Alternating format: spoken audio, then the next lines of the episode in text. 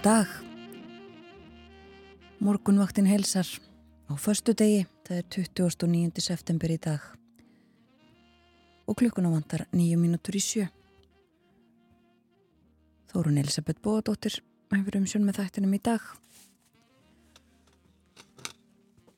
Morgunvaktin stendur til klukka nýju eins og alla virkadaga. Það var fallegt umhorfs í morgun fullt tungl á heimni bak við svona örlittla skíja hulu og það var hægur vindur í Reykjavík fjögur að stega hitti þrýr metrar á sekundu klukkan 6 í morgun. Tveggjastega hitti á Kvanneri austanátt fjóri metrar heiðskýrt í stekkisólmi þrýr þryggjastega hitti og 1 metri á sekundu. Femstega hitti á Patricksfyrði, í Bólungavík og Littlu Ávík.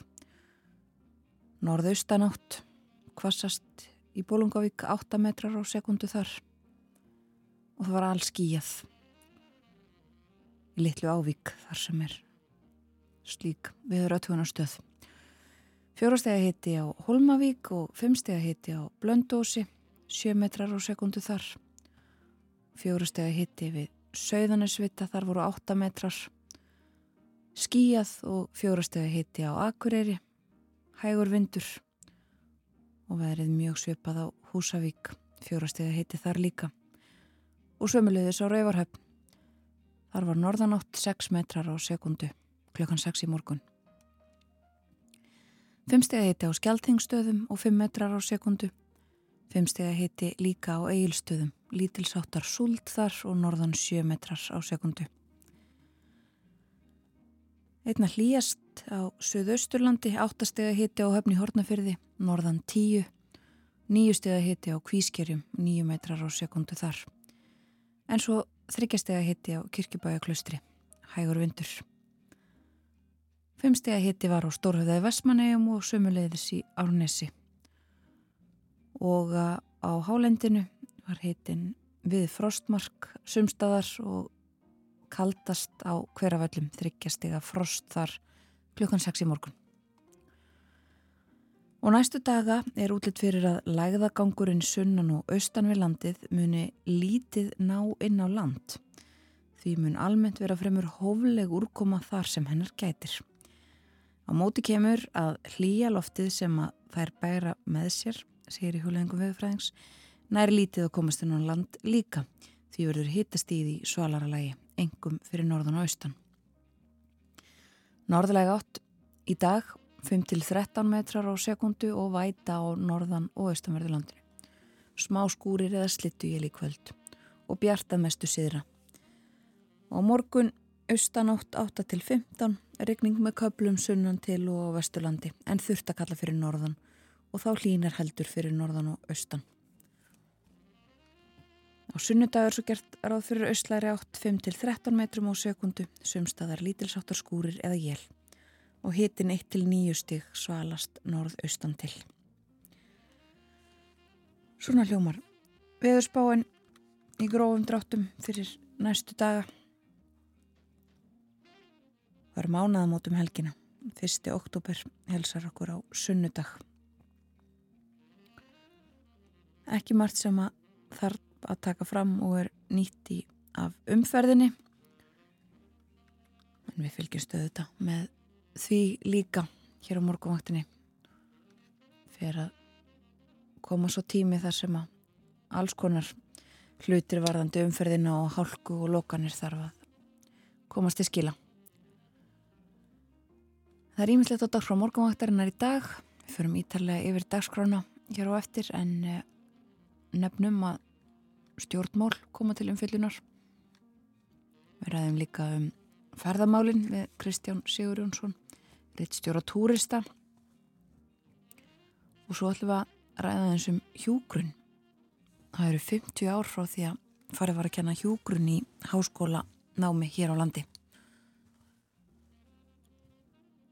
Meirum þetta allt saman á eftir og eins og alltaf þá verður einhver tónlist á dagskráni. Við lítum í blöðin, bæði hér heima og úti í heimi. En næst á dagskráni er einmitt fyrsta lag morgumvaktarinnar. Gær spiliðum við eitt lag með Ben E. King sem að þá hefði orðið 85 ára gammal. Þekktasta lagið Stand By Me sem við heyrðum í gær en allir þetta hér sé ekki allavega í topp 5 af hans þekktustu lögum. Skulum heyran syngja Spanish Harlem.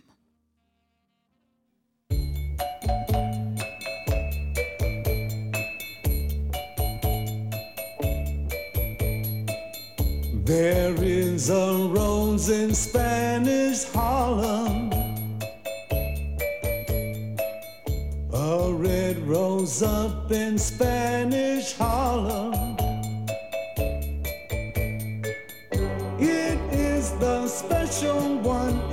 Never seen the sun. It only comes out when the moon is on the run and all the stars are green.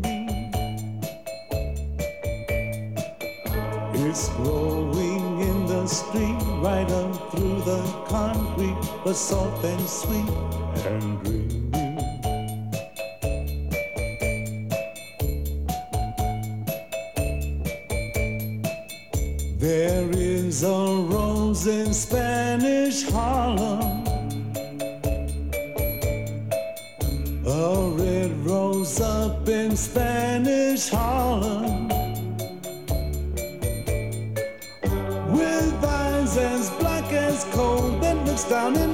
soul. It starts a fire there and then I lose control. I'll have to beg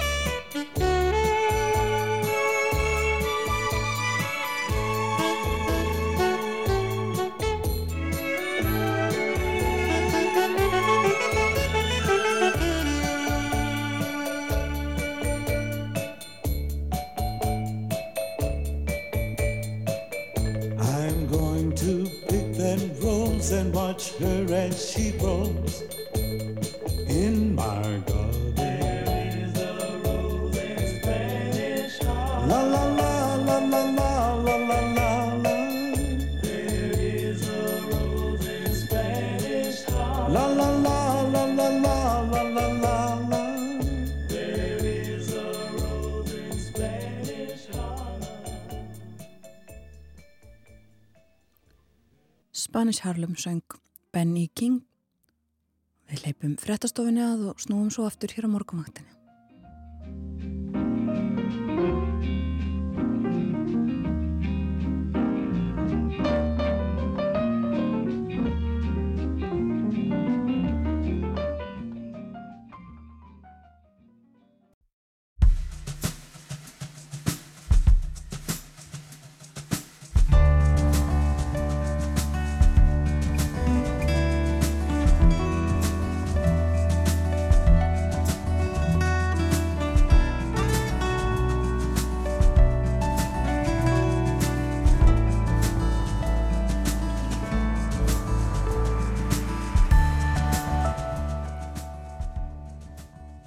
Góðan dag.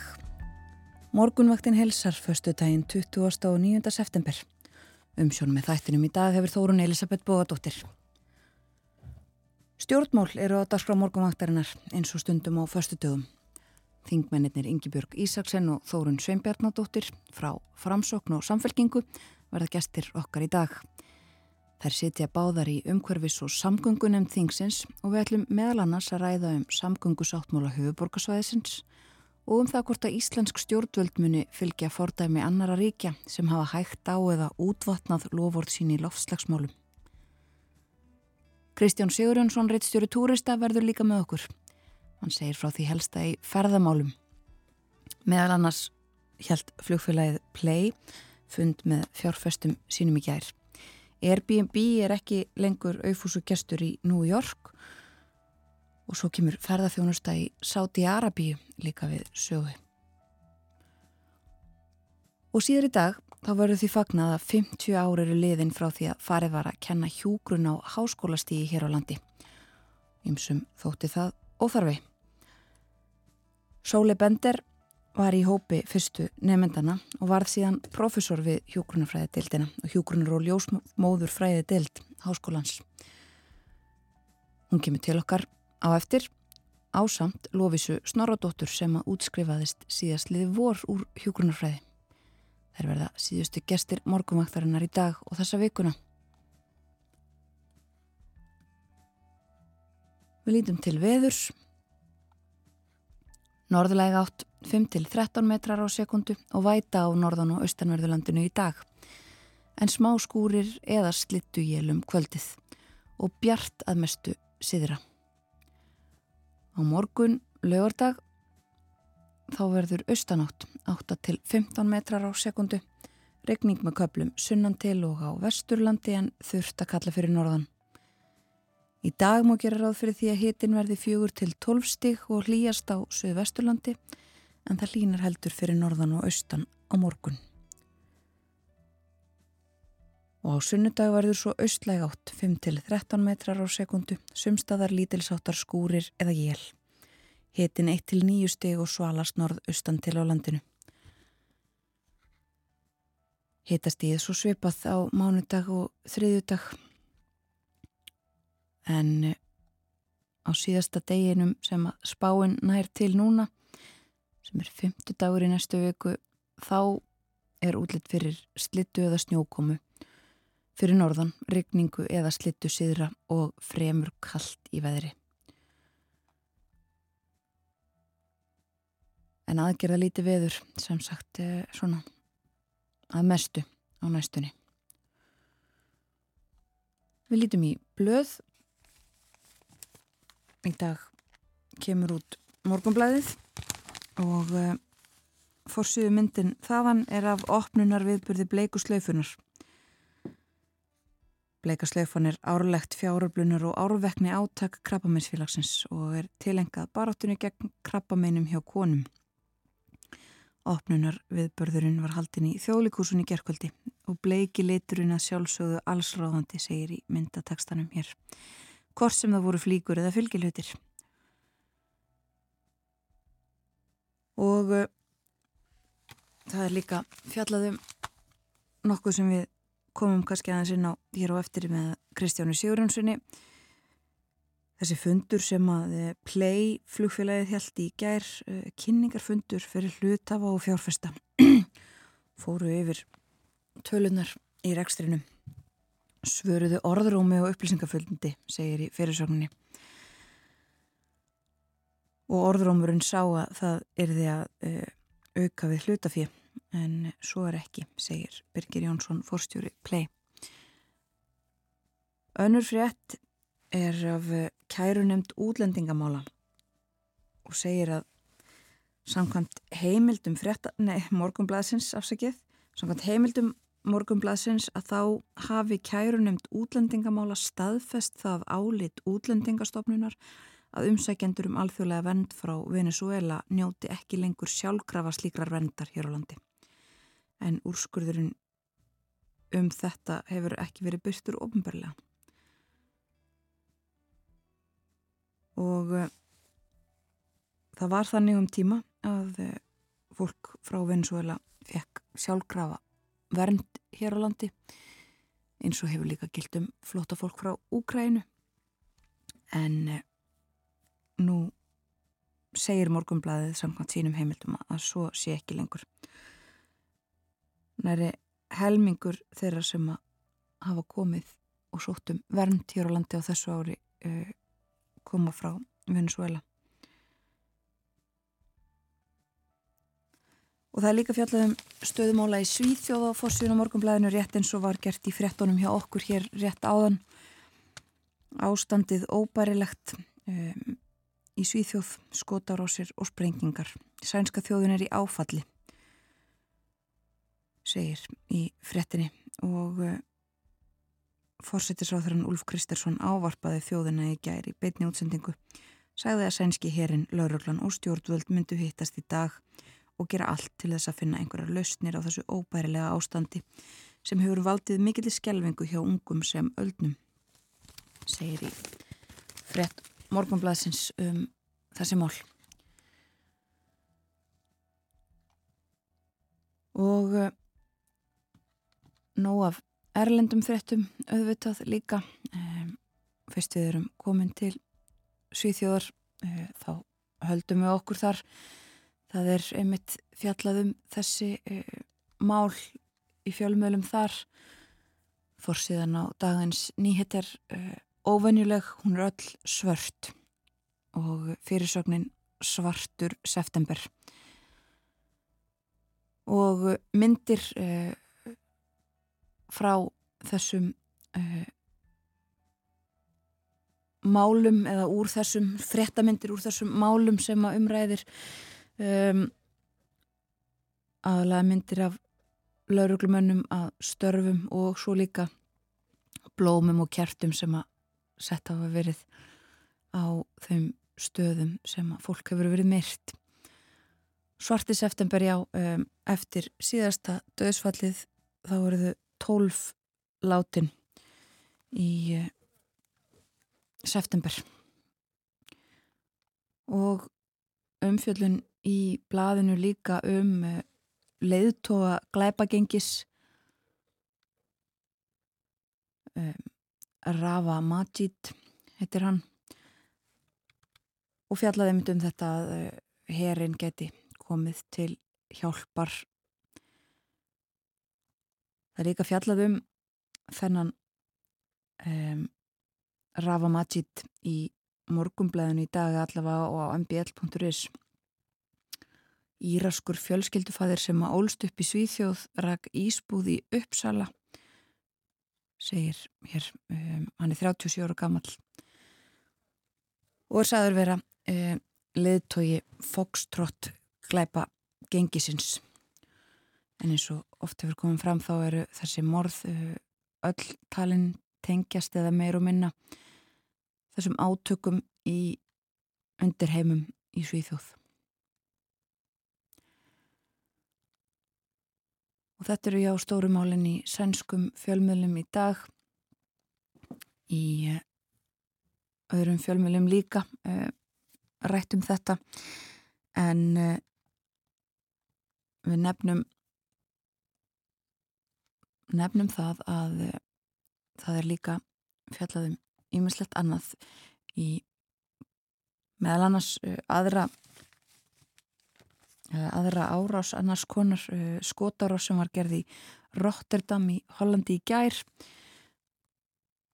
Hún er tölvur til umfyllunar eh, þar sem að 32 ára gammal maður hefur verið handekinn grunaður um að hafa skotið konu og unglingsdóttur hennar til bana og svo kennara í læknadild í borginni og margt enn óljóst um þetta þennan verknað en uh, töluverðum fyllin í erlendum fjölmjölum um þetta. Það er uh, líka töluvert fjallað viða um uh, stöðumála í Armeníu og Azerbaijan. Stjórnvöld uh, í Nagorno-Karabakh hér aðeinu hafa greint frá því að þau ætli að leggja, já, leggja sjálf sig niður ef að svo má segja. Þau ætli að hætta. Þau hafa stjórnað uh, þessu hérað, þetta hefur verið sjálfstjórnar hérað í rúmlega 30 ár þetta svæði á milli ríkjana Armeni og Azerbaijan þarna búa aðalega armenar og uh, ríkið hefur enga síður uh, Azerbaijan á þetta svæði formlega. Þarna hafa eðurlega brotist út einhver átök. En í síðustu viku þá mætti herin, aserski herin og uh, tók svæðið yfir. Síðan þá þá hefur rúmlega helmingur íbúa svæðisins flúið inn til Armeníu það er meðal annars fjallaðum þetta e, á, í New York Times í bandaríkjónum í dag. Og e, fleira þaðan e, það er líka fjallaðum lítinn árangur af henni marg umrættu gagsókn úkrænumanna greining á þessu og uh, výglínur hafa að mestu haldist óbreyttar eftir margra mánada harðabardaga með miklu mannfalli. Og líka sagt að það sé útlitt fyrir að erfiðar að sé en áður að uh, brjótast í gegnum výglínuna uh, vornir rúsa og hægagangur til langstíma gæti farða veikja stuðning vesturlanda við Úkrænu.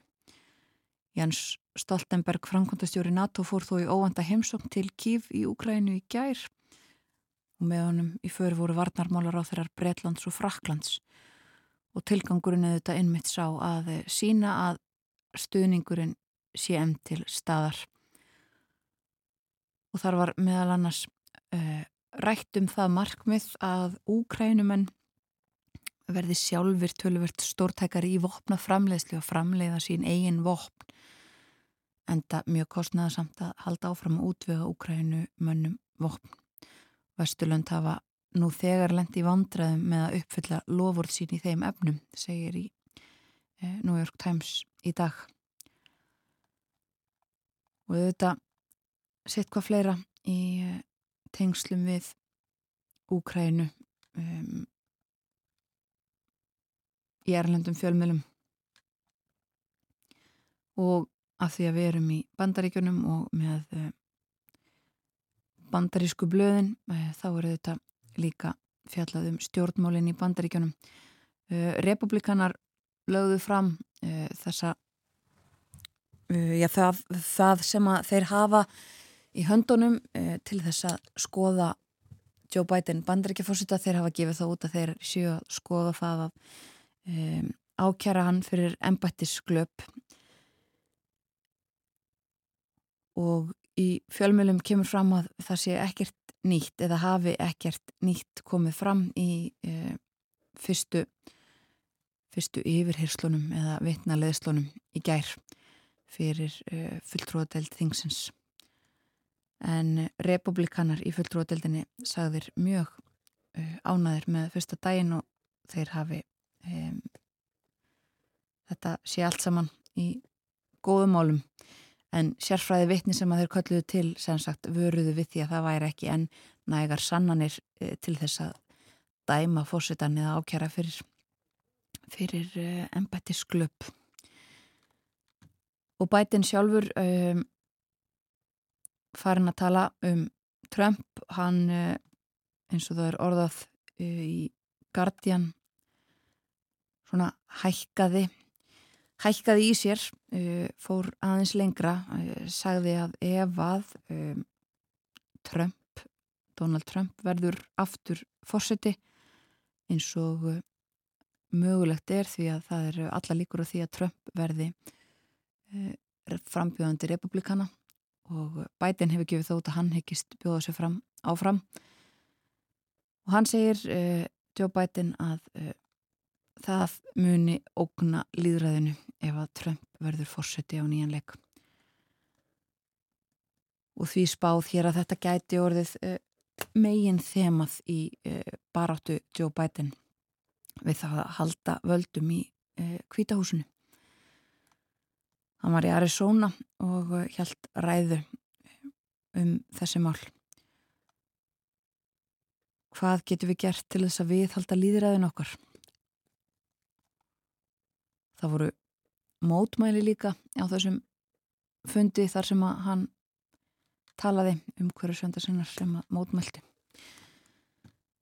En já, ímislegt sem sagt að fretta úr erlendum fjölmjölum og eh, við fylgjumstu þetta áfram með og segjum frá. Við skulum hlusta á eitt lag. Egil Ólafsson gaf út plötu, tvöfaldaplötu í fyrra. Það sem að á annari var sungið á íslensku, henni á spænsku held ég alveg örugla. Þetta lag er af íslenska hlutanum og heitir Ónumin lönd.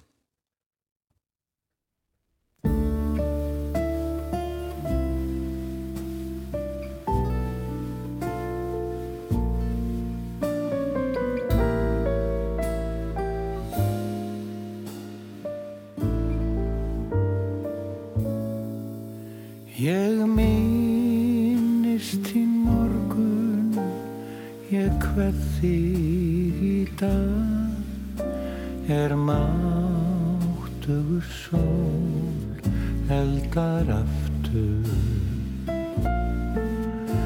Og fjörðurinn finnur sinn lignasta brað að fer fegurð er þrá mín og kraftur.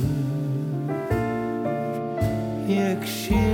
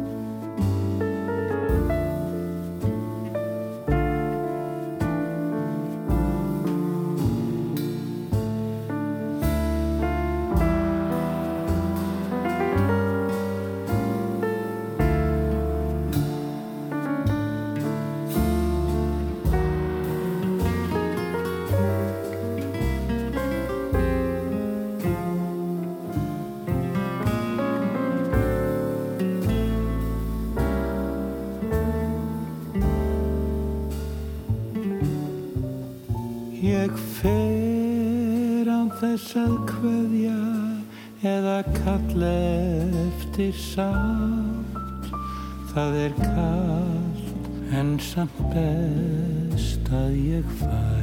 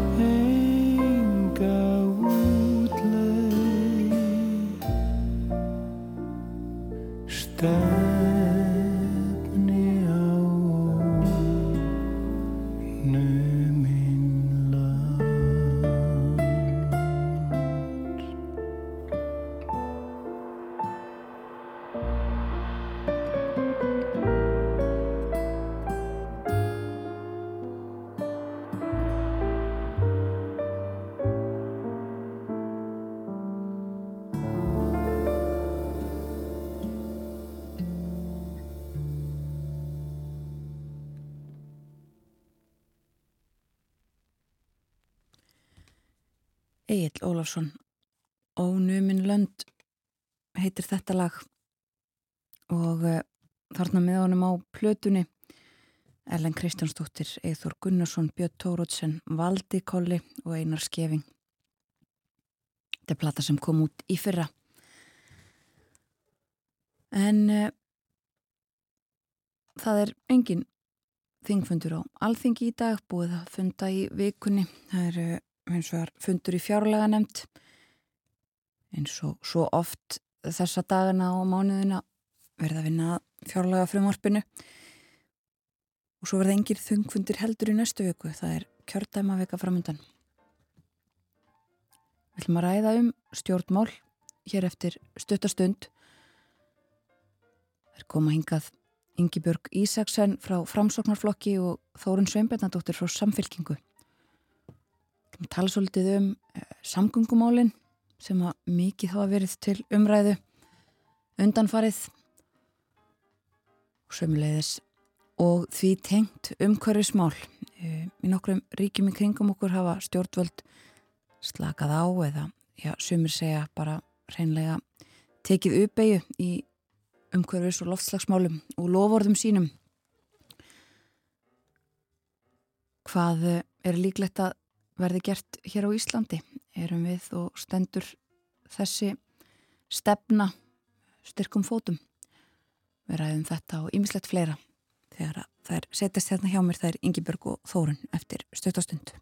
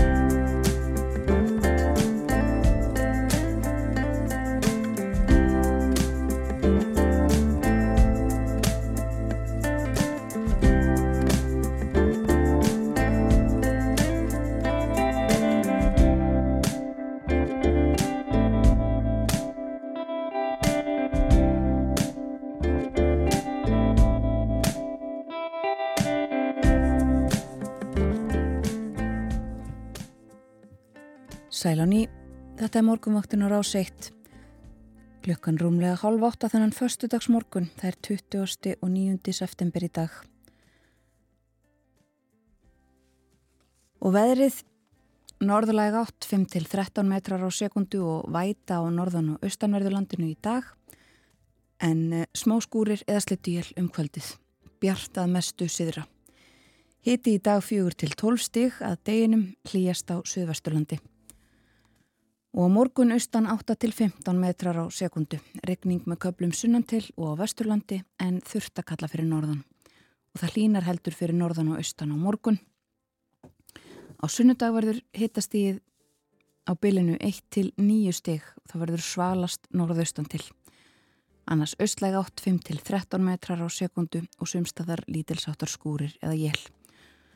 Og það segir í hjólæðingum meðfræðings að lægðagangurinn sunnan og austan við landið muni lítið náinn á land því muni vera almennt fremur hófleg úrkoma þar sem hennar gætir. En hlýjaloftið sem að læðarnar bera með sér nær líka lítið að komast inn á land og því verður eh, hitast í því svalara lægi. Og ég minna það að Kristján Sigurjónsson, reyðstjóri túrista, verður með okkur hér á eftir fer eh, yfir ímislegt sem að er til umræðu í ferðamálunum. Tölum um ferðamennsku í Sáti Arabíu meðal annars háleit markmið stjórnvalda þar. Airbnb kemur líka við sögu og eh, einn vinsalasti áfangastæður Íslendinga. Það er Tenerife. Og í lókþáttar einst þá ætlum við að ræðum hjúgrunafræði. Það eru 50 ár frá því að farið var að kenna hana í háskólum. Sóli Bender, professor Emerita og eh, nýjútskrifaði hjúgrunafræðingurinn Lófisa Snorradóttir verða gestur okkar í síðasta hlutu þáttarins. En nú eins og bóðað hefur verið er komið að umræðum um stjórnmálinn. Það hefur töluvert verið talað um samgöngumál undarfarna daga og vikur, já, mánuði kannski. Ekki síst í tengslum við samgöngu sáttmála höfuborgarsvæðisins og borgarlínu. Við ætlum að tala um þessi mál en líka uh, umhverfis og lofslagsmál. Til okkar á morgunvaktina eru komnar þær Yngibjörg Ísaksen frá Framsóknarflokki og Þórun Sveinbjörnadóttir frá Samfélkingu. Þær setja báðar í umhverfis og samgöngu nefnd þingsins. Velkomnar báða tvær, góðan dag. Góðan dag. Góðan daginn, takk fyrir. Við ætlum að byrja á uh, umhverfismálunum og loftslagsmálunum. Það var kynnt fyrir vikunni að það ætti að ebla loftslagsráð. Um, þaðan og víðar hefur komið gaggríni á það að það skorti heildar stefnu í loftslagsmálum hér á Íslandi. Ég langar eiginlega bara að byrja á, á þessu, þessari eblingu uh, bóðuðu loftslagsráðs og bara hvar við stöndum og þessi vinna. Er það rétt að það skorti einhverja svona heldarsín, heldarstefnu í þessu málum? Já, allir bara, ég byrji bara ekki á því. Já, Þorun, byrjaðu. Jú, ég held nú að lofslagsráð hafi ímislegt til síns máls um þetta og það blasir auðvitað bara við. Eina sem að gerist hér í lofslagsmálum er að útblástur gróðurhús og loft, lofthegunda eikst frá ári til árs. Um, loftslagsráð eins og það var skipað uh, setti, sendi frá sér svona loka skilaboð í sumar uppgjör var það kallað mm -hmm. þar sem að stjórnvöld voru brínd enn og aftur til aðgerða uh, þær eru eins og loftslagsráð hefur líst þeim ófullnægjandi og ómarkvissar og kannski einfaldast að lýsa því með því að við höfum enn ekki e, nýja aðgerða áallin í höndum um það hvernig við ætlum að draga úr losun gróður og svo loftegunda eins og okkur ber að gera bæði samkvæmt e, samningum sem við höfum undirritað, Parísarsamningnum og öðrum skuldbindingum okkar líka innan e, Evrópusamstarfsins. En ekkert liggur fyrir um þetta og það er eiginlega svona sérstakt skoðunarefni hvernig núverandi ráðherra og þessari ríkistjórn hefur tekist að gera ekkert í loslagsmálum í sex ár. Af því að það er allt á fullri ferð allstaðar í kringum okkur og við berum jafnmikla ef ekki meiri ábyrð á losun en flest önnu ríki. Og þó að við séum fá þá berum við siðferðilega ábyrð og svo er það einfallega þannig að neistlumunnstur okkar og lífstíl og samgöngumáti er ekki sjálfbær. Og við verðum að horfast í augu við það og það kallar á aðgerði stjórnvalda og eins og fráfarandi formaður uh, lofslagsráðs hann Haldur Þorgersson hefur orðaða, orðaða þetta snýstum að stjórnvöld grípi til aðgerða. Stjórnvöld verða hætta að benda á aðra stjórnvöld verða líka að hætta að láta almenningi líða eins og ég, einstaklingurinn, beri einn alla ábyrð á því að, að grípa til aðgerða. Auðvitað ber ég mína ábyrð en það er í hlutverki stjórnvalda að búa til umgjörðina og skatta umhverfið til þess að grípa til alvöru aðgerða.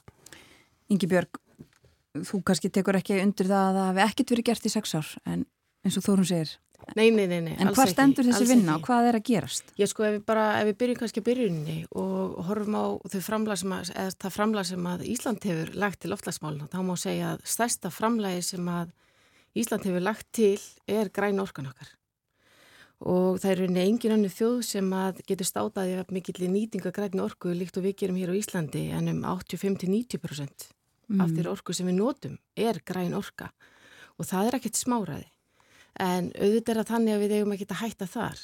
En það verður samt líka að hafa í huga að við erum búin að ganga í gegnum orkuskipti á heimilum sem margar aðrar þjóðir standa frammefyrir í dag. Við erum ríka viðlindum en auðvitað eigum við líka að bera virðingu fyrir því og, og, og nálgast að nærgætni í tengslum við bara náttúruna og fleira. En varðandi orkuskiptin sem að þetta snýsta mestu leiti um uh, í samgöngum þá auðvitað hafa, hafa yfirvöld verið með skatta ívillanir í tengslu við að kaupa rafbíla. Mm. og þeim hefur fjölga tölvert eh, eins líka hjá bílalegunum og það sem er kannski uh, það þarf líka að skoða núna í framhaldinu eru þungaflutningan það er þeir sem eru að menga miklu miklu meira. Og við sjáum að fyrirtækin eru að bregðast vel við. Uh, þau eru að slábrið á þessu. Þau eru að skoða leiðir hvernig þau geta í rauninni verið orði grænari eða grænni fyrir gefiði það er að koma hérna inn flutningabílar sem ganga fyrir hreitni rávorku og auðvitað þurfa innvið líka að fylgja með. Og það er svo sem, sem hefur verið í umræðinni og undanförnum árum líka við ætlum að uh, verða að ganga fyrir grætni orku, eitthvað engabílnum en svo var innviðnir ekki tilbúinir en það hefur orðið mikil þróun þar og við sjáum fram á enn frekar uppbyggingu þar. Já. en svo verðum við líka að horfa til tækifæra líkt og bara hvar land, landfræðilega vel landið er staðsett, hvað var það samgöngur. Og þá er ég til dæmis að horfa til þungaflutningi eins og hjá skipum og flúvilum og við veitum ekki hvernig framtjár orkugjafin verður þar en við höfum tækifæri þar til að skipta verulegu máli. Og það getur líka skipta okkur efnarslegu máli ef við getum farið að framleiða græna orku til þess að við þurfum ekki að, að, að flytja inn allt þetta jarðefna elsneiti sem við erum að gera í dag. Mm. en auðvitað gerir ríkið þetta ekkit einn og vola að væri mjög gott að hafa bara handið um hvernig þetta gera þetta en það er búið að losa um ramma þrjú. Það er líka búið að uh, samþykja lög sem að heimil okkur að stækka virkjanir á þegaröskum svæðum þannig að það er verið að skoða leiðir. Það er verið að vinna því að landsnett að ebla enn frekar flutningskerfið rávorku þannig að við getum dreift rávorku betur um landið Þetta, það eru margir þættir sem koma að þessu sem er klálega verið að vinna að og svo ég gleyminu ekki heldur líka bara unga fólkin okkar sem að hugsa mikið um umhverfsmál og ég var einmitt á uh, svona þingi, ungt fólku líðræði núna um helgina, hitti þar hópa af mjög efnulegu og flottu ungu fólki sem talaði einmitt mikið um umhverfsmál og og gaggrind okkur, jú, svolítið fyrir það þegar ég spurði þau út í það hvort að þau hefði meiri ágjörðseldur en við mm -hmm. þá er það svona þeirra tilfinning. En við þurfum öll að slápið, alveg klálega En þú nefndir einmitt þetta, ég meina eh, með rafbílan á ívilnanir nú á að stendu fyrir þeirrum að gera breytingar á því og við höfum til dæmis, það er ekki langt síðan að formaða bílgrunnarsamband sem var hér hjá okkur og rætti einmitt um þetta með þungaflutningarna, stóru vörubílana. Það munar heilmiklu þegar ekki, eh, já þegar breytingar verða á þessu og, hún kallaði líka bara eftir einmitt langtíma hugsun og einhvers konar plani sem að stennst uh, fyrir uh, bílgreinarnar og, bara fleiri En það eru auðvitað það sem allir er að kalla eftir er að það sé áætlun sem að stjórnvöld setja niður og hægt er að fylgja. Og það er ekki síst uh, fyrirtækin í landinu sem að vilja sjá slíka áætlun, það er ekki bara heimilinn og það eru auðvitað alveg rétt eins og Ingi Björgur að benda á við stöndum að mörguleiti mjög vel af því að við erum ríka af endurníulegum öðlindum en við getum ekki alltaf verið að horfa í baksinni speilin og tala um orkuskipti sem áttu sér stað. Þau voru mjög mikilvæg, engin deilir um það en nú þurfum við að horfa fram á við og við stöndum það vel að það ætti raunin að vera auðveldara fyrir Ísland en mjög mörg önnu ríki að klára orkuskiptin mm. og þau snúast um samgöngur á landi, á sjó og endanum í flugi þó að tæknin sé ekki komin þangað. Þau snúast um losun frá yðinnaði, ekki síst stóriðu og þau snúast um landbúnað og landnótkun og þetta eru þessir þrýr stóru geirar sem að verða að vera, við verðum að vera með plan þannig að bæði fyrirtækin og fólkið í landinu viti hvert, til hvers er ætlast og hvernig við ætlum að komast ángað og það er í rauninni e, sko það er aðal skilda stjórnvalda og búa til reglu og skattaungverfi sem að hérna, hægt er að vinna undir og stuðlara því að við mingum losunina og það hefur miklu púðuri verið eitt í að ræða um ramagsbíla og þeir eru þetta ágættir, alveg ekkert að ég að deila um það að það er ágætt að vera með ramagsbíl og við erum búin að niðurgreiða kaup ramaspíla fyrir marga miljarda, ég er ekki með þessa tölu í kollunum þannig morgunin, en við höfum ekki verið að gera aðra hluti sem við eigum líka verið að gera.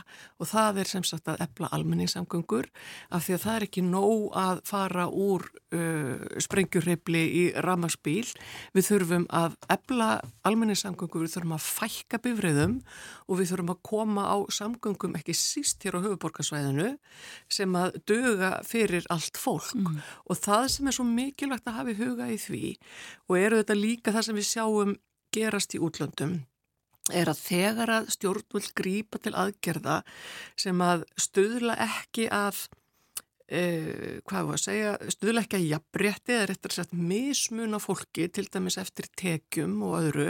Og við vitum alveg að það hafi ekkit allir efnáði að kaupa sér ramaspíl þó svo að þeir hafi lækkaði verði. En það er kannski svolítið önnu saga.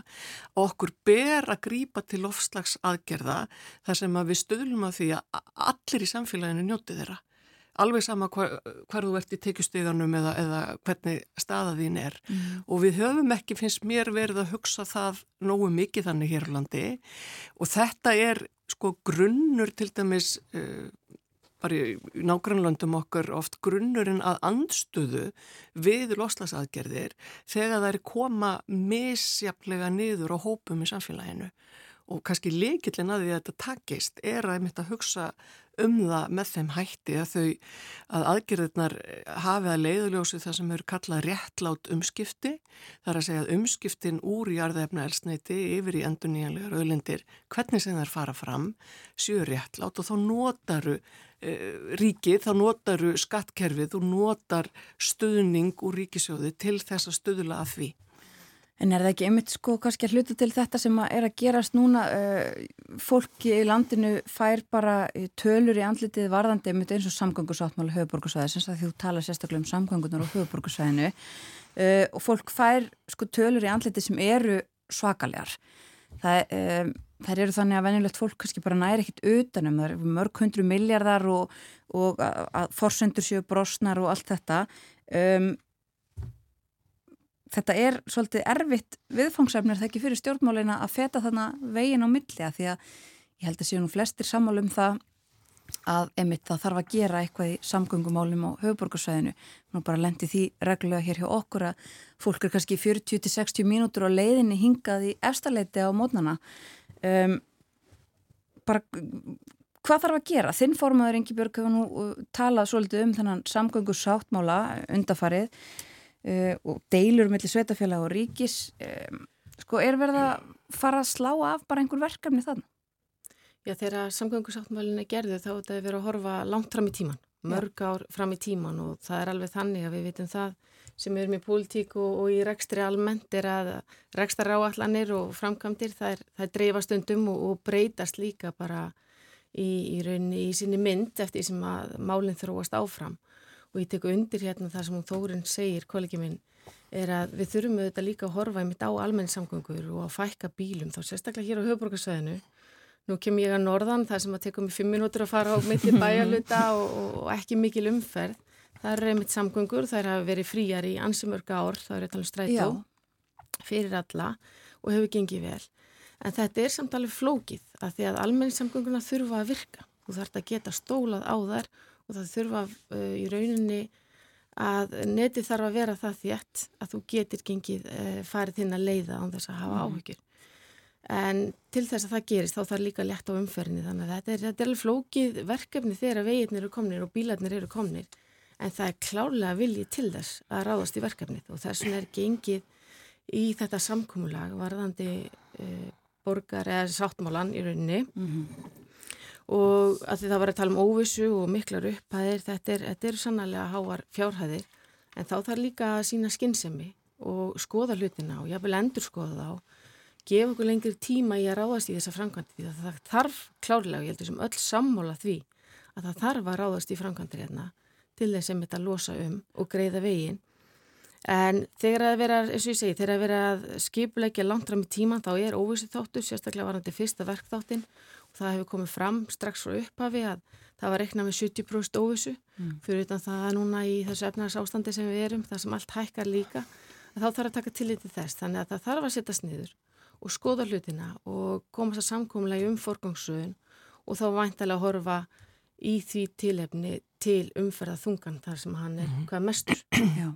Já, ég held að það sé engin spurning að það verður auðvitað að horfa á stöðuna í samkvöngumálum eins og hún er og, og það eru að sjálfsögðu mikið lífskeiði að, að búa í, í bæi eða þorpi það sem voru nokkra mínútur á milli húsa eða að fara að erindast. Þannig er það ekki hér. Á Suðausturhorninu og við höfum auðvitað í bílasamfélaginu sem við höfum því miður komið okkur upp þá eh, tekur að sjálfsögðu mikinn tíma að vinda ofan að því og það þarf að gerast á þó nokkur tíma. En þetta snýst allt um það að forgámsröðun stjórnmálana, að forgámsröðun ofinbæra fjárfestinga sér rétt og ofinbæra fjárfestingar til dæmis í innviðum og samgöngumálum, þar með talið borgarlínu og almenni samgöngum og höfuborgarsvæðinu verður að vera algjör í mínum huga. Þarna ertu að, að fjárfesta til langstíma bæði til þess að uh, bara greiða fyrir umferð og, og flæði hennar fyrir okkur öll sem búum hérna en ekki síður til þess að mæta umhverjuskröfunum, draga úr losun og að gera samfélagið að sko, hvað var að segja, heilnæmi og góðu samfélagi fyrir okkur öll. Og það er aðal atriði núna og það er aðeins að við sleiðum illa, ætla ég bara að, að segja hér, að fjármálar á þau alveg sérstaklega hefur svona lagt grunnina því að í ofinböru umræðu að borgarlínan sé rosalega dýr og, og það sé nú ekki hægt að ráðast í þetta núna. Og meðan að borgarlínan er í rauninni strætisvagnar samgöngukerfi sem er það allra, allra minsta sem við komumst af með að gera ef við ætlum að geta búið hérna á höfuborgarsvæðinu uh, til langframa. Þetta eru, þetta eru engar byltingar, það er ekkert í þessu sem hefur ekki verið gert fyrir áratugum síðan í öðrum löndum en það er verið svona alltaf að undirbyggja umræðinum að þetta gangi nú ekki og síðan því miður er yfirleitt tekinn svona einhver, einhver svona frekar leiðinlegur slagur við sveitarfjöluðin á höfuborgarsvæðinu um þessi mál og uh, þetta er ekki, sko, þetta er bara ekki góð pólitík í fyrsta lagi og í öðru lagi þá leysir þetta engar vanda. Við verðum að horfast í augu við það að, að ofinbæra fjárfestingar okkar, bæði ríkis og sveitarfélaga, verða að vera í réttu framkvæmdunum til framtíðar og þá eru við að tala um réttar framkvæmdir með tilliti til umhverfis og greiðra samgangna. Já, Ingi Björg, hvað sér þið? Já, bara svona svo ég grípið mitt boltan aðeins þarna, þá, þá þetta við, að því ég fór yfir sögun á þann mm. varandi orkuðskiptinu heimilón mm. sem er mikilvægt að halda til að haga, því það gerir Ísland í rauninni, bara síni sérstöðu mm. Íslands og þetta var hugrætt skref, hugrætt, já, að taka þetta skref á sín tíma og nú þurfum við að taka annar stórt skref í þessum málum sem tengist á orkuðskiptunum og þetta snýst um að taka bensín og olju út og skipta fyrir græn orku, en til þess að það sé hægt, þá þurfum við líka græn orku það áttu alla þjóðir sér á því og eru mm. leitandi e, út um allt aðgrætni orku innan sinna raða.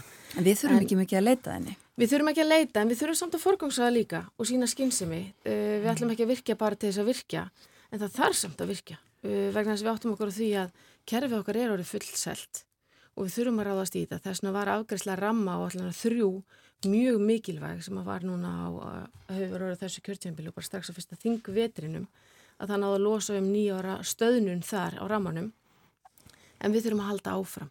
Við þurfum að fá meiri orku og við þurfum að geta haft kerfi og innviði sem að geta dreift orkunni líka á milli landsvæð. Mm. Og við sjáum til dæmis, talandum orkuskipti og, og e, ramagsknúna bíla og allt þetta og flutningabíla, þetta er, þetta er mjög fallegt, falleg hugsun, en ef við horfum bara til vestfjörða þá er þeir algjörlega aðskildi frá orkukjörun okkar. Þannig að þetta, þetta er stúrt verkefni og ég held að ef við tökum öllum höndu saman og líka fyrirtæki að þá munum við ná árangur og við erum að ná árangur, það má ekki glema því, þetta er ekki allt svart, við erum í kjörstöðu og við höfum fullt að tækifærum til þess að ná árangur í þessum málum. Já og þá verðum við líka að einbetta okkur að flutningskerfi orkunar og gera okkur grein fyrir því að við eigum fyrir orkuskiptum í samgöngum bara með því að bæta flutningskerfið. Það er næg orka á Íslandi, það snýstum að forgámsraða henni rétt og notana í í verkefni sem að koma öllum til goða. Mm. Við erum eiginlega búinar með tíman og ekki hálnaði með umræðefnin en uh, uh, rétt bara í lókin uh, örstuðt, sko það er kjörtam að veka framöndan hvernig verður henni varið? Á ég byrja. Já, byrja þú. Já, allavega í norðustu kjörtami við, við munum hittast þingmennir og ferðast saman. Við hefum skipilagt fundadagskrá frá þriðdagsmotni fram á, fram á förstak. Mm -hmm. Mjög þétt dagskrá, þetta tókst. Mm vel í fyrra, allir gladir þannig að við höfum það með söpu móti. Við höfum að hitta sveitafjölu og stopnarnir og kannski fyrirtæki eftir sem tími, tími lefir Ég er bara, bara mjög spennt. Já, Þórun. Eh, við þurfum nú ekki að fara í eins langa ferð og félagur okkar í norðustu kjördami, í suðvestur kjördaminu, en við þurfum öll saman og, og heimsækjum alla sveitastjórnir sem eru sex í kjördaminu og það er alltaf mjög skemmtilegt að eiga þann árlega fund mm. með eh, bæjar og sveitastjórnum í kjördamunum og svo notum við tímanu þetta til þess að hitta okkar eigin félaga og halda félagsfundi og, og kynna verkefni sem eru á döfinni hjá samfélkingunni. Mm. Þannig að við nýtum kjördamavikuna eins og vel og við getum. Ekki ólíklegt að þessi mál sem við vorum að ræða komi þarna til umfyllunar á með sveitastjórnum og Suðvesturhóttinu. Það er freka líklegt. Kærar þakki fyrir að koma til okkar á morgunvættina Ingi Björg Ísaksen og Þórun Sveinbjörnandóttir. Takk fyrir mig. Takk.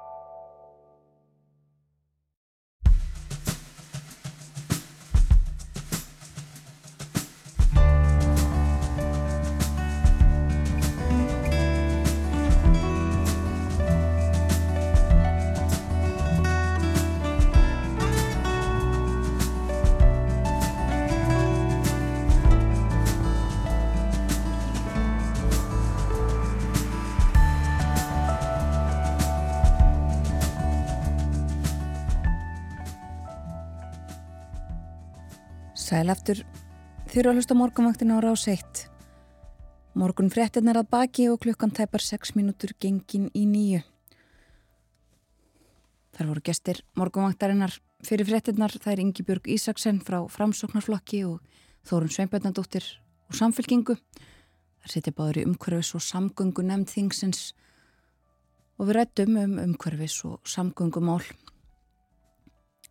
Rættum svo litið um stöðu samgangna á höfuborgarsvæðinu þar sem að farið er nú fram og tilbaka og skiptar skoðanir um uh, samgöngu sáttmálan og hver, á, á, hver eigi að borga hvað. Og uh, það er verið að uppfæra sáttmálan hann á að vera tilbúin í november held ég. En við minnum á það hér á eftir þá ætlum við að ræðum hjúgrun, hjúgrunarfræði það eru 50 ár frá því að hjúgrun var fyrst kend á háskólastíi hér á landi, það er að segja. Og mörgum fannst þetta bara óþarfi. Sóli Bender var í hópi fyrstu nefndana varð svo kennari og prófessor og hefur ný látið af störfum. Er prófessor emerita Hún kemur til okkar hér upp úr klokkan halv nýju og ásamt henni Lófísa Snorradóttir, nýjútskrifaður hjúgrunarfræðingur. Meirum þetta hér á eftir, en næstu mínutunar ætlum við að ræðum ferðamálinn eins og við gerum yðurlega á förstu dögum. Og með okkur Kristján Sigur Jónsson, reittstjóri Túrista. Góðan dag Kristján. Góðan dag. Ég nefndi hér í morgun uh, þennan fund sem að Play held á uh, með sínum fjárfæstum, uh, hlutöfum og fjárfæstum í gær. Það var ekki kannski mjög margt sem að kom þar fram sem að uh, við þurfum að uh, hafa orð um. Við ætlum að tala um Airbnb svolítið. Við ætlum líka að tala um ferðarþjónustu eins og ég hef nefnt í morgun í Sáti Arabíu sem við höfum líka gert áður og svo þetta einn af vinsælustu áfangastöðum Íslands en það er eitt sem við munum heldur ekki ræða uh, sem að við heldum að er þið komið í ljós á uh, þessum tímapunkti og það er uh, framtíð SAS flugfélagsins. Það er ekkert að gerast þar.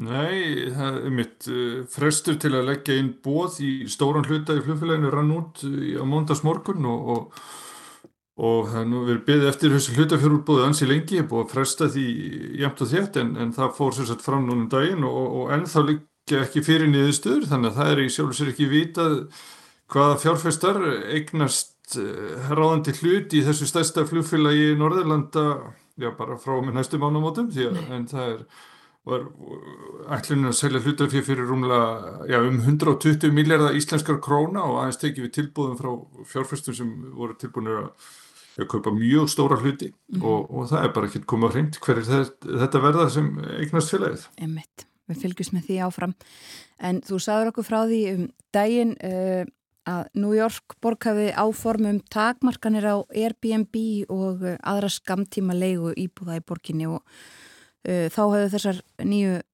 bóðuðu reglur ekki tekið gildi en núna er þetta skollið á. Er það þá núna bara ógjörningur fyrir ferðamenn að leia sér íbúð á Airbnb í New York? Já, nú er það allavega norðið þannig að þú nokkuð vissum það að það er íbúður sem þú leiðir hjá Airbnb til dæmis í New York að þær eru, já, eigandi þeirra eru með leiði fyrir þessari starfsemi. Mm -hmm. Það var áður þannig að það gáttu allir leikt út í gennum Airbnb en nú er það orðið þannig að Airbnb verður að fjarlægi alla leiðursala af sinni síðu sem ekki eru með leiði frá borgarhauðvöldum og þar alveg þetta hefur dreyjist verulega, frambóðið dreyjist verulega saman í, í New York og ég var nú bara að leika mér að skoða til dæmis sko ef ég er að leita mér að eh, eign í New York einhverju á leigu í lok oktober þá finnur Airbnb sko 700 17 eignir í New York en 826 í Reykjavík. Þannig að frambóði í Reykjavík er meira enn í, í stórborginni, fjölmennustu borg bandaríkjana þannig að, og ég var sko líka til dæmis bara næsta sumar og, og það er álíka, það er eiginlega jafn mikið frambóði í Reykjavík og í New York yeah. og meðan að það er miklu fleiri valkostir í bóði þegar þú ert að leita gistingu í London eða Paris. Einmitt það og það er líka svolítið rætt um áhrifin af þessu, þetta getur bara breytt töluverðu í eh, New York borg bara um, auðvitað aukið frambóð uh, á húsnæði fyrir fólki sem er umverulega býrðar og ímislegt svona ímis önnur áhrif af þessu Jújú, jú, tilgangur með þessu er náttúrulega fyrst og fremst að auka úrvalið af sko leigu íbúðum í, í borgin fyrir heimamenn en, en ekki ferðað fólk mm. og, og það verist þá vera svona ganga upp allavegna svona fyrstu vikunar að það sýnir sig að það er alveg dreigið verulegu frambúða og leiðu íbúðum fyrir ferðamenn og, mm. og yfirvöld víðum heim hafa náttúrulega verið að reyna að finna einhverja leiðir til þess að koma böndum á þessa heimakistingu hún hefur verið mjög umsöða mikil á mörgum stöðum, til dæmis á Íslandi eins og við þekkjum og höfum rætt og, og og þetta hef, hefur verið bitbein eh, víða Amsterdam og, og Barcelona hafa kannski gengið einna hardast fram í þessu og viljaði hérna takmarka mjög frambóðið og sett til dæmis þessar reglur um, um að fólk með bara leiði ákvæmna marga dag á ári mm -hmm. þannig reglur voru tegnar upp á Íslandi en maður sér það samt á sko, skráningu á síslumanni þar sem allir eiga að skrá sig fyrir heimagistingu og þar eru skráningarnar miklu miklu færri enn sem nefnir þessi frambóði sem maður sér svo bara á Airbnb þannig að það er alveg ljóst að já, flestir sannilega allan að rúmur meiri hluti þeirra sem er að leiði út íslenskar íbúðir á Airbnb eru ekki með leiði eða hafa skráðsi fyrir þeirri starfsemi. Einmitt. Og þú nefndir um þetta aðan sko heimagistingu en það eru þetta líka hluti vandans að þetta var kannski hugsað þannig eh, í byrjun en svo eru þetta raunin svo að af þessu, margar af þessum eignum eru alls ekkit heimilinins og eru bara leiðar út sem uh, íbúðir fyrir ferðamenn bara rétt eins og hótelherbyggi einlega. Jú, jú, það hefur sínt sér bara öllum þeim könnunum eiginlega sem hafi verið gerðar á, á þessu, þessari starfsemi að, að hún er miklu leiti sko Já, þetta er miklu leiti bara leiðursalar sem eru að leiði út hótelýbúður þannig að þetta mm. eru í sjálf og sér ekkit heimili fólks þótt að allt kynningarefni, Airbnb og auðlýsingar gangi út á það að sína og sérst að mynda að leiða heimili einhvers, einhvers fólks en, en, en raunin er svo bara allt önnur. Þetta eru fyrst og fremst bara fyrirtæki að leiða út uh, íbúður sem áður voru í eigu bara heimamanna eða í útlegu til hei, þeirra sem búi í borginni. Sko. Akkurat.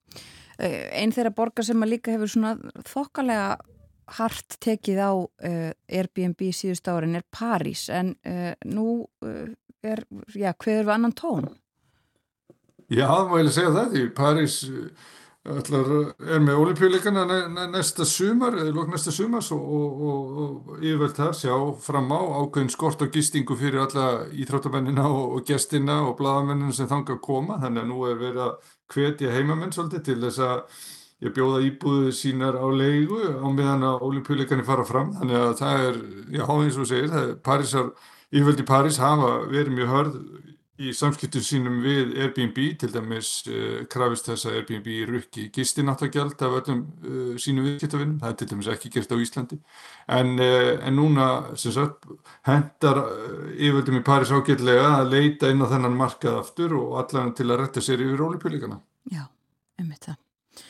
Og frá Paris til Sáti Arabi, við höfum áður rætt um ferðamennsku þar, það eru háleit markmiðum fjölda ferðamanna til Sáti Arabíu og þau voru að verða ennþá hálitari? Já, í, í fyrsta tæminu var sett markið á 100 miljón ferðamenn fyrir árið 2030, það var gefið út fyrir, fyrir heimsvaraldur en, en nú er búið að færa takmarkið upp í 150 miljónir, sko til samanbyrða komur rétt um 17 miljónir erlendra ferðamanna til Sáti Arabíu í, í fyrra þannig að það verið að tala um alveg gríðarlegan vöxt. En það kemur að vísa ekki nógu skýrt fram sko hvort að yfirvöldi í Sáti-Arabíu eru líka að telja með heimamenn því það sýnir sér náttúrulega að, að markaðurinn fyrir til dæmis gistingu í Sáti-Arabíu það eru helst eh, já, fólki sem þar býr í landinu sem er að, að kaupa sér gistingu en, en það er alveg uh, ljóst að hérna stjórnvöld í fyrsta dæminu hafa mikið áhuga á ferðarþjónustu er að byggja upp allskynns uh, áfangastæði, maður getur kallað það við um landi, til dæmis upp í fjöllum og annað, þar sem að kannski hitin er bærilegri yfir sum, sumarið heldur en á svona láglendinu, mm. þannig að það er mikið uppbygging í gangi og Sáti Arabi ætla líka að taka þátt í stopnun flugfélags og er að styðja við rekstur vissir, efla flug frá Evrópu til, til Sáti Arabi, þannig að Það er greinilega þannig að þá veðja á ferðarþjónustuna meðfram oljuvinslinni og við höfum náttúrulega séð dæmum að þetta hefur gengið ágætlega hjá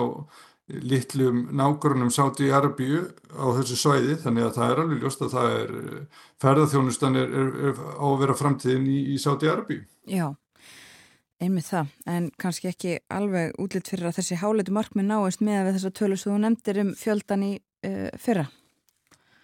Nei, það er ansið langt í land, það er óvægt að segja það. Já, en uh, að síðustu Kristján, uh, það er svona eðli spjalls um ferðamála á Íslandi að síðustu árin allavega að, að, að það verður að tala um Tenerife öðru kóru og nú ætlum við að gera það.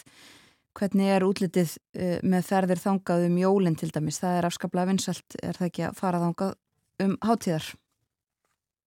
Jú heldur betur og, og frambóðið hefur náttúrulega aukist alveg gríðarlega og ég var að tellja þetta saman núna að frá 13. til 23. desember þá verða í bóði 33 ferðir frá keflaguflugvalli til eh, Tenerife og þetta er viðbótum já, þrjárferðir allavega frá því fyrra og, og þetta er í sjálfur sér nokk markföldun í raun og veru með við ástandið í árónum fyrir jólinn eh, 2016, 17, 18 þetta er miklu, miklu meira frambóð og, og hérna mér sýnist nú á fargjöldum flugfélagana að þau séum ennþá svona á svip þessi álíka og síðastliðin síðastliðið haust.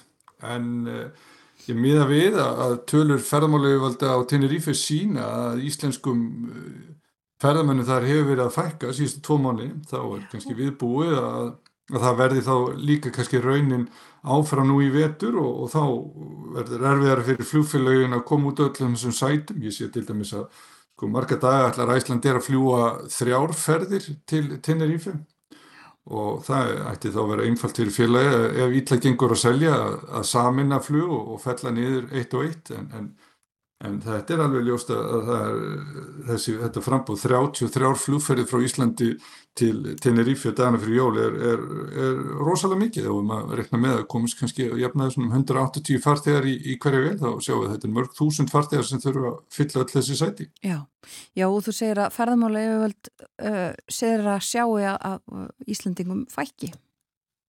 Já, er nefnilega þannig að í mörgum löndum þá er hægt að skoða nákvæmlega hvernig hérna, landi líkur í ferðarþjónustu. Það er að segja hversu margir koma frá hverju landi fyrir sig og, og spænsk flugmála í völdu eru með þessar, þessi gögn opinn og, og, og þeim hefur fækkað eins sem fljúa til Tenerife frá Íslandi. Svona gögn eru, hérna bannvara á Íslandi og ég hef nú reynd að kæra þennan upplýsingarskort sem gildir er ríkir á Íslandi hvað þetta varðar en, en ekki haft árangur sem er við en, en þetta er allavega ofinbæra tölur frá spáni sína þetta að það hef, eru færri sem fljúa Ísland, frá Íslandi til Tenerife núna en í fyrra. Já, og þetta er þá kannski bara í, í uh, samræmi við það sem við rettum, ég minnir það hafi verið síðast einmitt um þetta að frambúðið á flugi er uh, afskaplega mikið hjá íslensku flugfélagunum í vetur en það er ekki, já það er svona e e eitthvað útlitt fyrir að við séum að uh, draga aðeins saman í, í ferðalögum.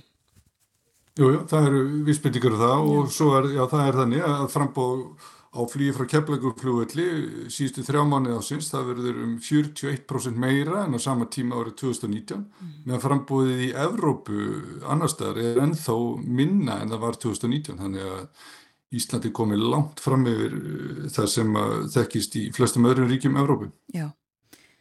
Við fylgjumst með þessu 33 flög til Tenerife.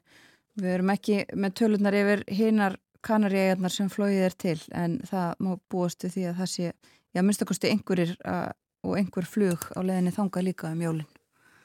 Jújú, það passar. Já. Takk fyrir í dag Kristján Sigur Jónsson, reittstjóri túrista. Takk sem leiðis. Tomorrow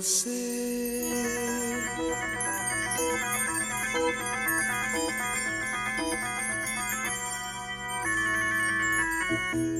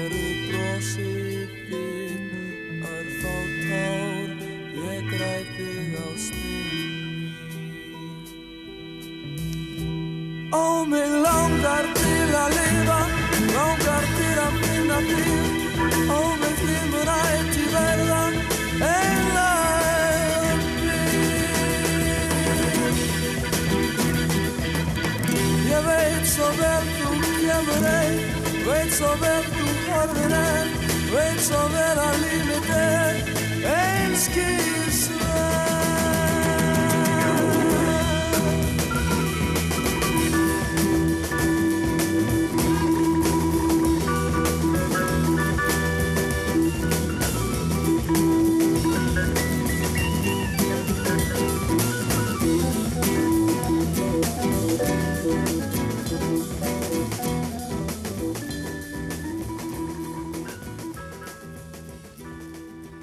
Dimmarósir, Tatarar.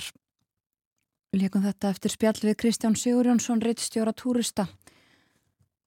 Rættum um eh, Airbnb sem að búið að setja tölverðar hömlur á í New York. Kristján skoðaði þetta og það verðist vera nú sé meira frambóð á íbúðum á Airbnb í Reykjavík heldur en í Stórborginni New York. Og markmiðið einna helst að auka frambóð á íbúðum fyrir fólk sem að býr í borginni og eh, ekki ferðamenn. Það er verið að gera þetta í ýmsum stórborgum um heiminn, eh, setja hömlur á Airbnb og aðra skamtíma leigu. En í París er verið að hvetja fólk til þess að leia út íbúðunar sínar meðan að ólimpíuleikarnir fara þar fram á næsta ári.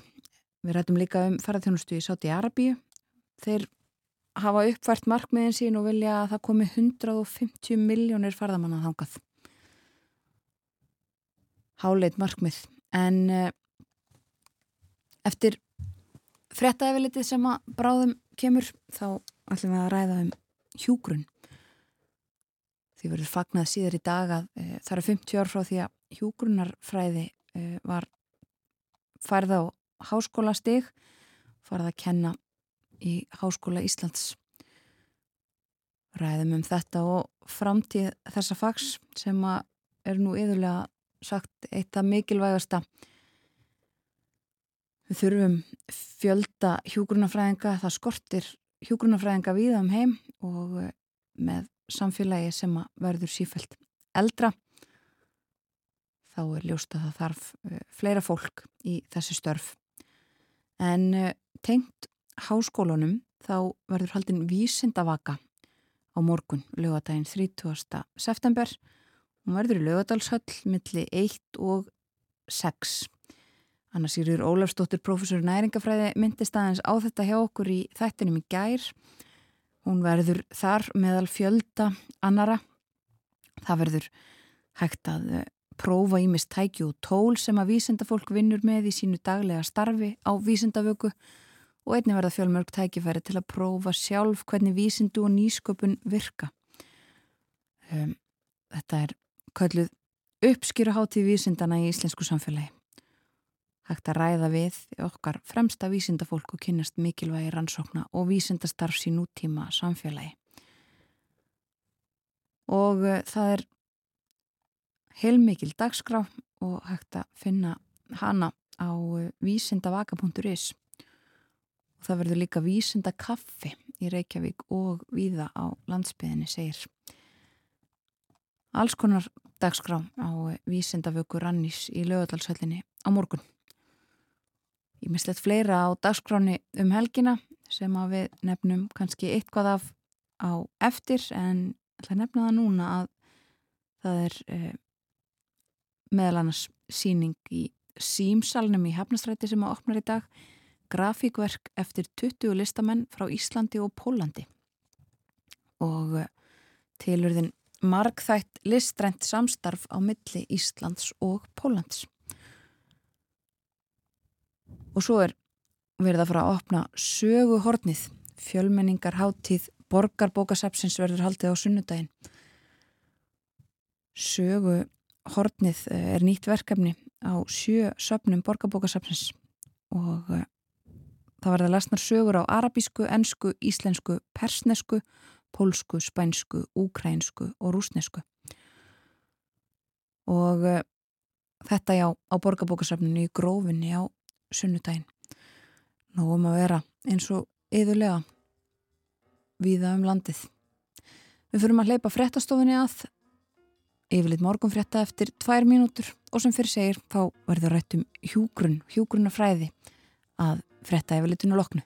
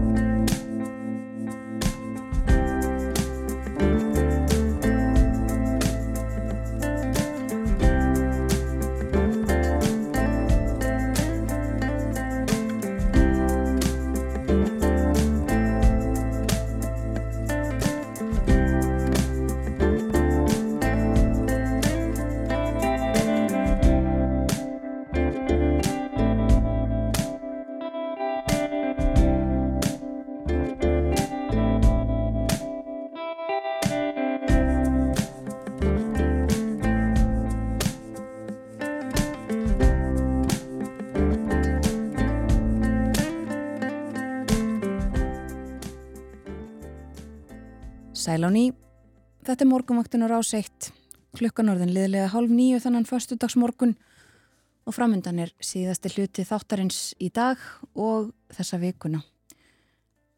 Skulum aðeins lítið til veðurs fyrir daginn og helgina. Norðulega átt í dag 5-13 metrar á sekundu og væta á norðan og austanverðu landinu en smá skúrir eða slittu jél um kvöldið í kvöld sem sagt. Bjartamestu siðra og hitin 4-12 stiga deginum hlýjast á Suðvesturlandi. Austanátt á morgun 8-15 metrar á sekundu, regning með köplum sunnan til og Vesturlandi en þurft að kalla fyrir norðan og það hlýnar heldur fyrir norðan og austan á morgun. Á sunnudag áfram austlæg átt 5-15 metrar kvassast síðst og sumstaðar lítilsáttar skúrir eða jél en yfirleitt bjartara Suðvestanlands og hitin 1-10 stygg kaldast á norðausturlandi. Ég nefndi það hér áðan að á morgun fer fram vísindavaka Rannís. Hún verður í lögallarsöll og afskaplega uh, stór og mikil fjölbreytt dagskrá. Í tengslum við það uh, verður hægt að hitta fjöldan allan af vísindamönnum og uh, skoða ímis tæki og tól sem að vísindafólk vinnu með í sinu daglega starfi. Þetta er Rannís, já, og fjöldi fólks innan úr háskólunum sem verður þarna statt. En uh, í dag, hins vegar, verður því fagnað síðar í dag að það eru 50 ár liðin um þessar myndir frá því að kennsla hófst við námsbreytt í hjúgrunafræði við Háskóla Íslands. Það hefur mikið breyst og batnað jafnvel á 50 árum til okkar á morgumvaktina eru komnir tver gestir.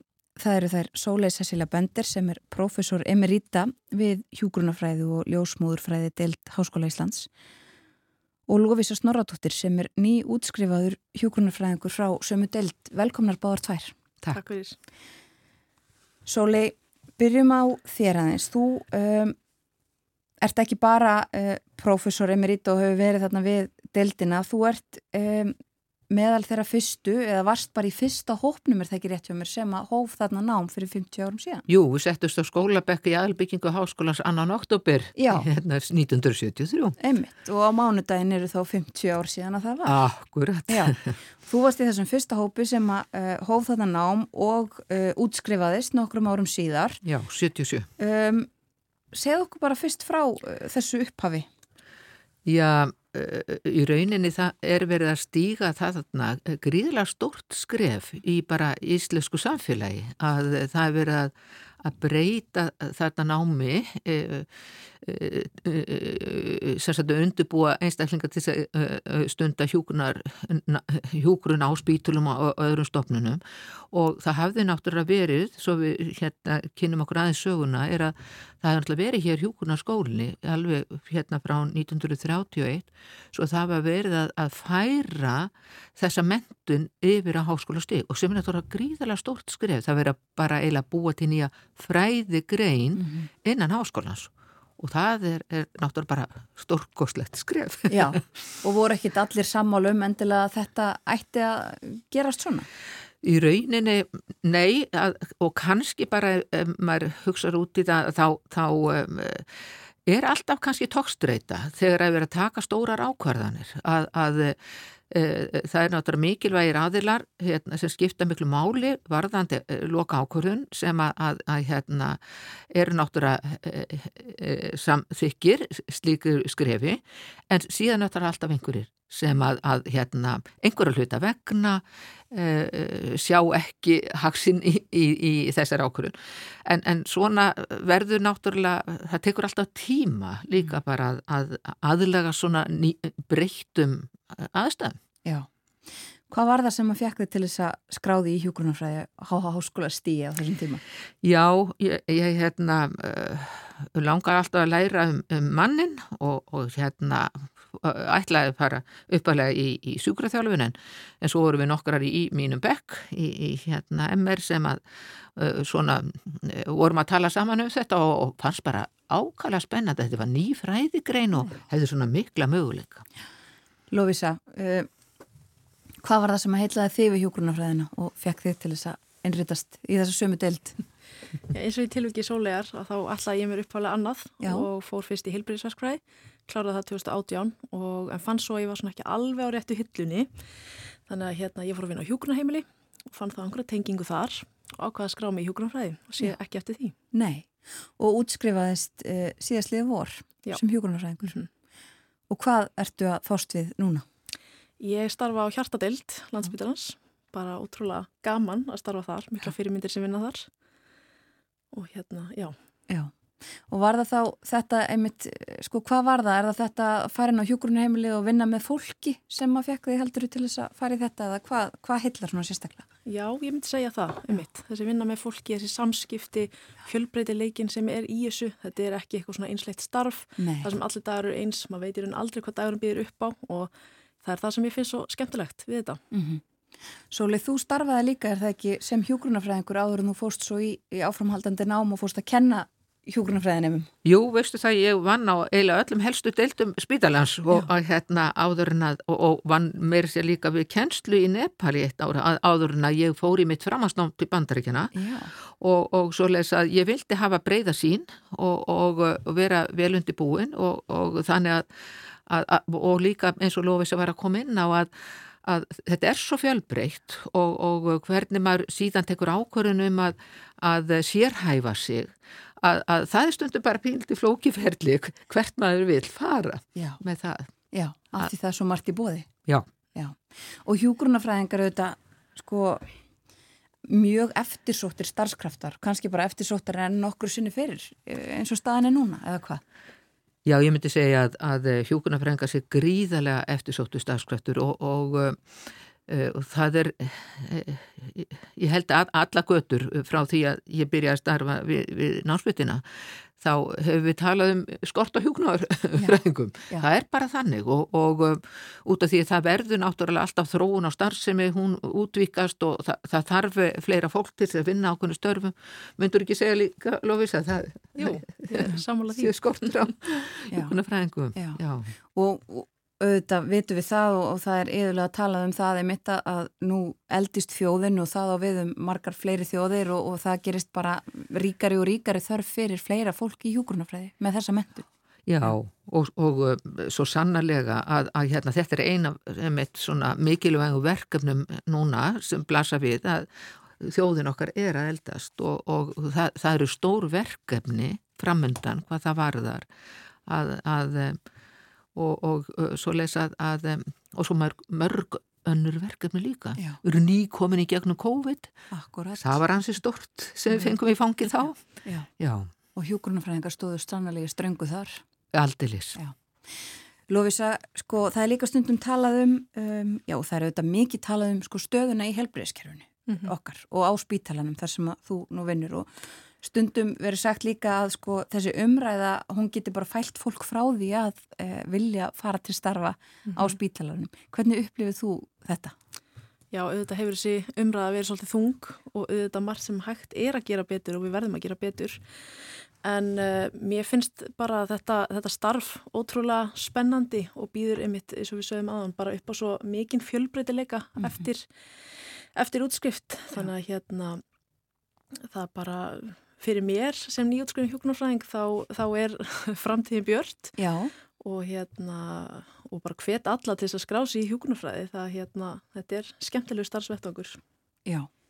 Og skemmtilegu starfsvettfangur eins og þau segir líka fjölbreyttur. Uh, það er nú líka stundum talað um fólk sko með hjúgrunafræði mentun sem að fer að gera allt aðra hluti. Þetta er bara góðu grunnur fyrir allt en þið náttúrulega kannski viljið helst að, uh, eða hjúgrunafræði deildin vil helst að fólk fari í helbriði skeiran. Við viljum alveg hreint absolutt halda í innan ekki fólki annað. Nei, sko, út af því að, að það, var, það er svo mik mikilvæg uppbyggingastörf og þróunastörf sem við þurfum að vinna innan spítalakerfisins og líka innan helsugjæsluna að, að hérna, okkur veitir ekkert af og okkur af nógu fólki og nógu mannabla alls, bara allstaðar og, og, og síðan náttúrulega eins og bara hérna, hjúkunarfæra dildin er náttúrulega alltaf að, að menta fólki meir og meira að, að, að það tekur sitt meistaranám eh, og, og, og síðan líka doktorsnám og, og, og við erum að, að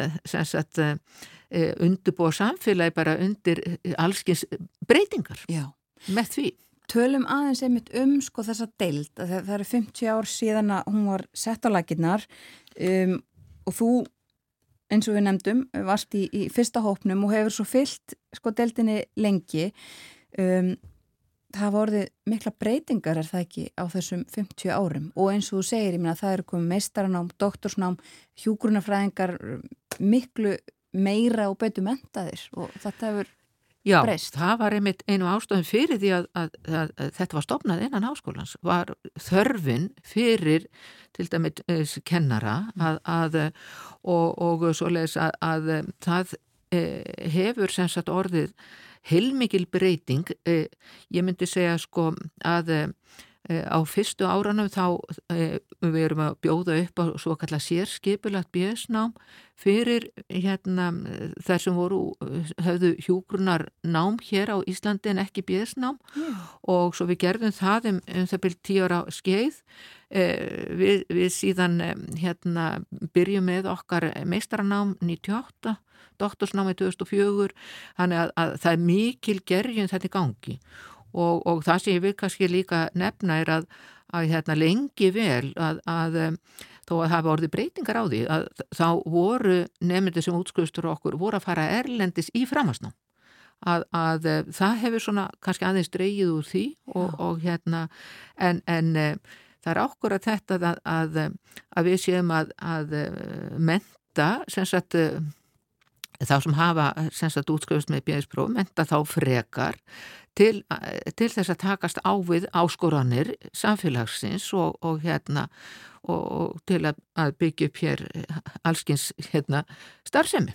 Já, einmitt. Og sko þetta er stór, eða sko þetta er orðin sjálfstæð deild og svo kemur ljósmóður, koma ljósmóðurfræðin inn í þetta líka. Um, Hvernig er framtíðin hjá þessari dild? Já, að þú nefnir hérna ljósfræðina þá einmitt kemur hún inn 96 og er búin að vera sagt, hjá okkur alla götur síðan mm -hmm. svo lesa að, að þar er líka náttúrulega mjög mikil gróska í, í, í þróun á, á starfi og slikt en, en framtíðin að sko ég myndi segja því að, að ég kannski þekki þessa sögu frá byrjun mm -hmm. er að þá myndi ég segja að það voru mjög erfið ár til að byrja með, út af því að þú ert að byggja upp algjörlega nýja fræðigrein. Og, og um, svo lesa við vorum sem vorum að kenna að, að hérna, mjög mikið í kennslu og hefðum ekki nógu mikið tíma til að sinna rannsóknum. Svo verður ekki tími til að sinna því fyrir en síðar. Og, og svo lesa nú erum við komin á okkar blómaskeið mm. þannig að, að, að ég myndi segja nú eru svona, hérna, erum við að fá ávistina og, og, og þetta er, er, ég myndi segja bara á mjög mikill í siglingu þessi fræðigrein mm. og það hefur verið litið sagt, til okkar hérna deildar e, e, frá Evrópu í rauninni alla tíð frá því að hún var stofnud og, og svo leiðis að, að, að við hefum eins og segi verið að vaksa og þroskast og, og, og stöndum bara á glæsilegum stað í dag þess að verðu þetta fagna. Já, Lófis að þú fjöxt eh, velun fyrir þitt lokaverkefni og sko fannstu bara strax að þetta var þín hilla?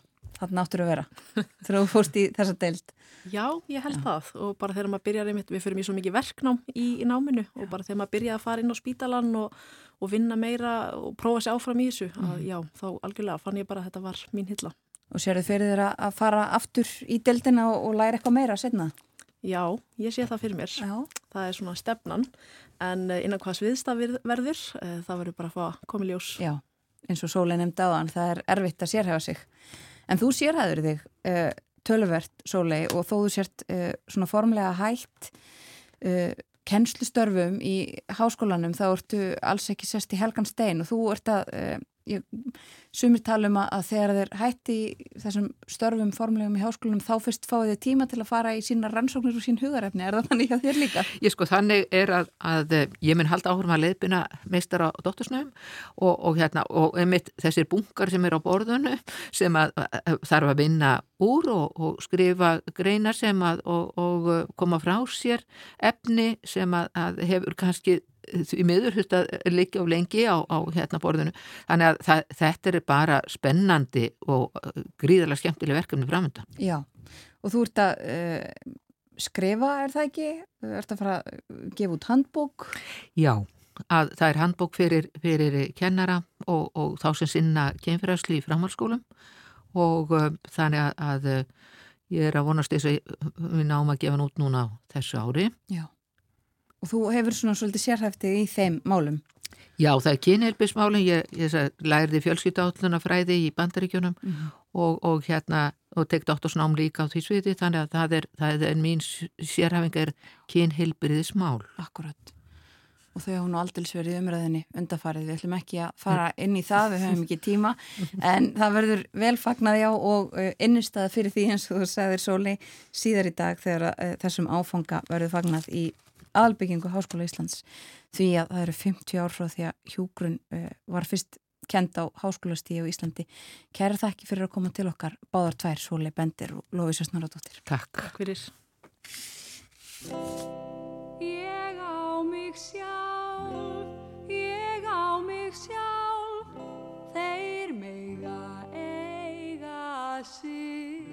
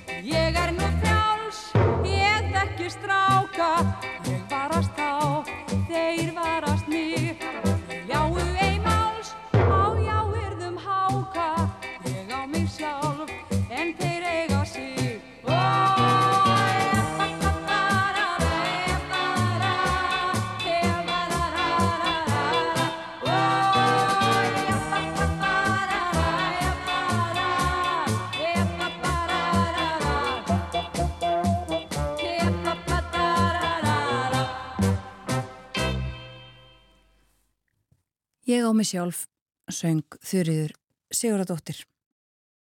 Við líkum þetta í kjálfar spjallsokkar við þær Sóluði Bendir og Lófisu Snorradóttur, hjúgrunarfræðingar báðar tvær og eh, rættu við okkur um 50 ára sögu hjúgrunarfræði deildar Háskóla Íslands og uh, munum þá á að það eru í síðustu viku rættum við sérstaklega um, um uh, Karla í hjúgrunarfræði og þau ánægilegu tíðandi að strákum fjölgar.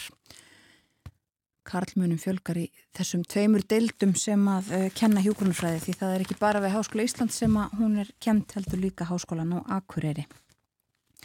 En já, Þurriður Sjóradóttir söng þetta lag. Hún uh, á mörg lög einhver ástælasta sönguna þjóðarinnar lengi en Þurriður Sigurdóttir er líka myndlistar maður og síðar í dag þá opnar síning á verkum hennar klukkan fjögur í dag í listasafni Sigur Jóns Ólafssonar. Og uh, síningin Heima og heiman heitir hún. Býður listamæðurinn áhorfendum í ferðalagum staði og tíma sem bæði eiga sér almenna og sögulega skýrskotun en jafnframt mjög persónulega. Og uh, það er þannig að þurriður eða þurra tengist þessu sapni á sérstakanhátt og staðsetningin í lauganesi eh, leikur leiki hlutverk vegna þess að hún fættist og ólst upp í gamla lauganesbænum, steinsnar frá listasafni Sigurjóns. Þar var hennar leikvöldur og er jafnvel enni í dag, segir í eh, tilkynningu um þessa síningu. Það var heilmikið viðtal við þurru í morgunblæðinu gær og hún eh, talar um síninguna og uh, uppvakstar árin í lauganissi segir meðal annars þegar ég var lítil stelpa heima í lauganissi virti ég oft fyrir mér frostrósir því þar var einfalt gler í gluggum og rúðurnar þaktar þessum undurfögru rósum og vetrar morgnum. Mér fannst heitlandi að fylgjast með frostrósunum bráðuna, ég setti heitan fingur í þær og kíkt út um þau gött og teiknaði eitthvað með fingrunum. Frostrósir bernskunar voru upphafið að minni teikni áróttu en ég var alltaf að teikna og leita sem krakki. Og uh, hún rifjar líka upp að það var oft svo kallt á veituna að borðtuskan átti til að frjósa á borðinu eða nætur frost. Þura já alltaf teiknandi sem barn en útskrifaðist svo frá Listaháskóla Íslands með bíagráði myndlist árið 2001 og hefur unnið að myndlist síðan. Tónlistar og uh, myndlistakona Þurriður Sjóradóttir með síningu í dag. Og við hefum nefnt ímsa aðra viðburði sem að eiga sér stað í dag og um helgina hér í förstudagsþætti morgunvaktarinnar. En þættinum er lokið í dag og þessa vikuna. Við þökkum samfélgina, tökum okkur hlið yfir helgina og hilsum svo oftur á mánudags morgun klukkan tímyndur í sjö eins og alla virka daga. Þá eru komin oktober, annar oktober á mánudaginn. Við þökkum samfélgina þessa vikuna, vonum að þið njótið helgarinnar. Verið sæl.